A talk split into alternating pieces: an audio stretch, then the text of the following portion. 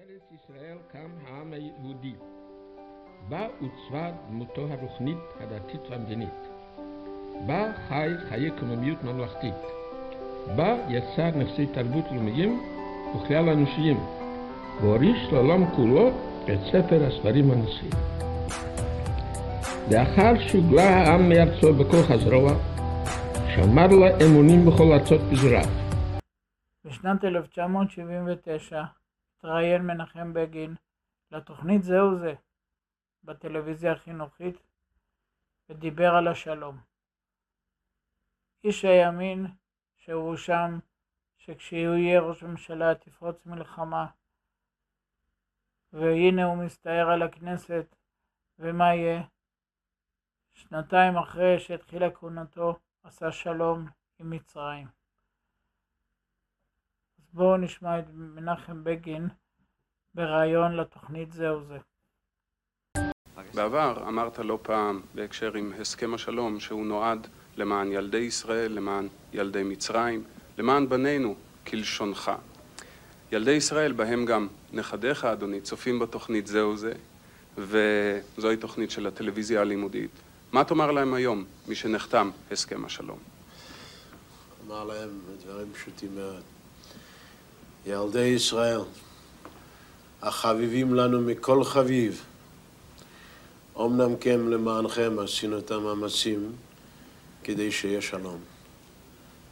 אני אינני יכול להבטיח לכם שכבר השגנו את השלום המלא. עדיין יש לנו חזית בצפון ובמזרח. וזוהי חזית בגדדית, אם מותר לומר לכם את זאת.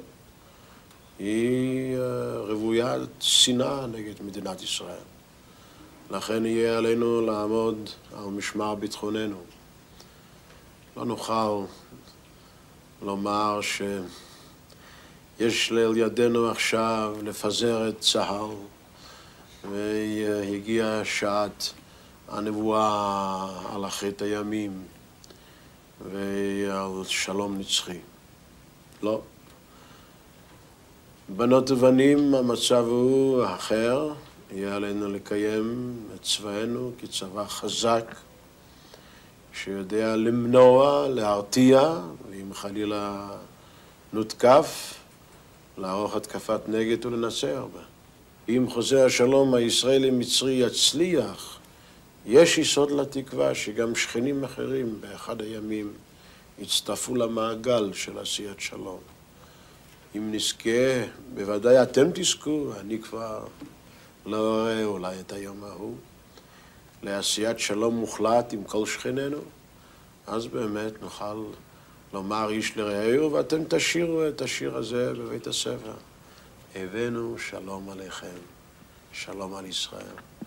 אדוני, כאשר היית חייל טוראי בצבא הפולני, כאשר היית במחנה ריכוז סובייטי, כאשר לחמת במחתרת למען הקמת מדינת ישראל, האם עלה אי פעם בדעתך, האם שיווית בנפשך שאתה תביא את השלום למדינה עצמאית, למדינת ישראל? לא אני הבאתי את השלום למדינת ישראל העצמאית. ממשלת ישראל היא אשר עמלה למען השלום הזה, היא אשר תישא באחריות להגשמתו. אבל אם שאלתני, משום שאני אה, היום ראש הממשלה, האם בתפקיד זה בעבר אה, חלמתי או חשבתי שיבוא יום אם אה, אקבל תפקיד מעין זה, שבימים אלה יעשה שלום, אני יכול לתת לך תשובה חיובית, להסביר מדוע. ראשית הייתה בליבי אמונה מוחלטת שאנחנו נצא מן המחתרת, תקום מדינתנו, נניף דגלנו, תהיה לנו מדינה משלנו, צבא משלנו, בית נבחרים, ממשלה, לא היה לי שום ספק בלב. היו אנשים אשר דווקא משום שהייתי במחתרת, או ביתר דיוק, משום שהייתי במחתרת, סברו שאם אני באחד הימים אהיה לראש ממשלה, למחרת היום תפרוץ מלחמה. בכל מקום, כך אמרו לפני הבחירות האחרונות, היריבים שלנו. וכפי שאתם רואים, לא כך היה. עכשיו אני אסביר לכם, ילדים, מדוע. קרה כפי שקרה, דווקא משום שאנחנו נלחמנו במחתרת. וראינו את טובי חברינו מסכנים את נפשותיהם, ואף מוסרים את נפשותיהם. ועליכם לדעת מהי מחתרת. זה לא הצבא הסדיר שבראשו עומד מפקד, והוא יודע שבכל קרב יש אבידות, והוא סופר אותן מראש, או הוא לוקח אותן בחשבון, ויש אפילו סטטיסטיקות מוכנות מראש, אילו אבידות תהיינה בקרב זה או אחר. אלא כל לוחם הוא אחיך. או בנך. אתה אוהב אותו אהבת נפש. אם אתה שולח אותו לסכנה, הרי אה, אלה ייסורים בלבך. ולכן אה, אדם שהיה במחתרת במשך שנים רבות, הוא שונא את המלחמה, משום שהוא שונא את שפיכות הדמים. הוא איננו רוצה עוד שום אבידות בקרבות, במלחמה. אין פלא איפה שמן היום הראשון בו אני נכנסתי למשרד הזה, התחלתי לעבוד למען השלום.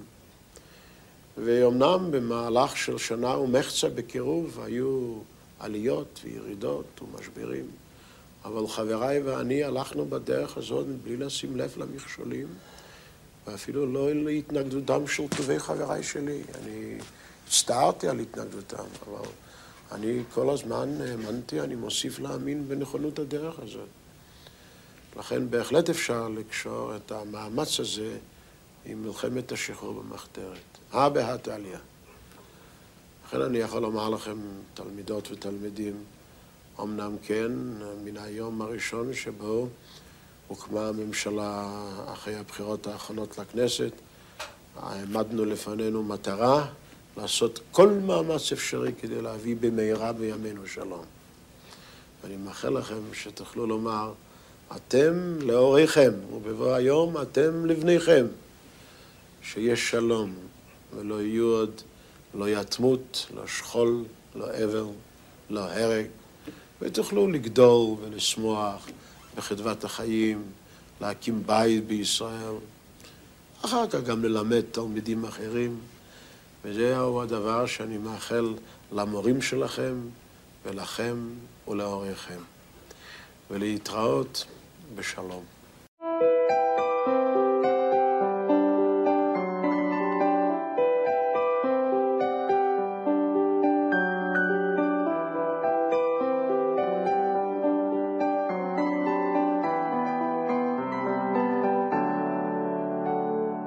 תודה שהקשבתם. נשתמע בפרק הבא.